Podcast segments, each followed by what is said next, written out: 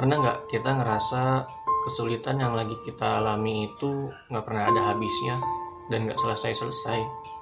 Kenapa sih Allah nggak ngebantu kita buat nyelesain masalah yang kita hadapi saat ini? Gue pernah baca satu konten di Instagram, isinya bantu orang lain dahulu, maka Allah juga akan bantu kita. Loh, gimana kita bisa bantu orang lain kalau kita sendiri lagi kesulitan? Tenang, kalau kita fokus bantu orang lain, Allah akan fokus juga bantu kita. Tapi kalau kita fokus sama diri sendiri, Allah fokusnya bantu orang lain.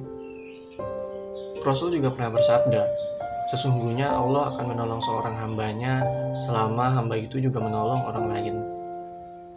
Tapi kata menolong di sini adalah hal apa yang bisa kita bagikan kepada orang lain selain hal apa yang saat ini sedang menyulitkan diri kita nggak melulu soal uang, bisa ilmu atau juga kebaikan-kebaikan lainnya. Ya kayak jual beli aja, kita menjual dengan mengharapkan uang dan orang lain membeli dengan mengharapkan barang, sama-sama mendapatkan kebutuhannya kan. Jadi mungkin nggak di saat kita menolong orang lain, orang lain tersebut juga akan menolong kita. Dan semakin banyak kita menolong orang lain, semakin banyak juga kemungkinan orang lain menolong kita. Ya, begitulah cara Allah membantu kita untuk menyelesaikan segala kesulitan yang ada.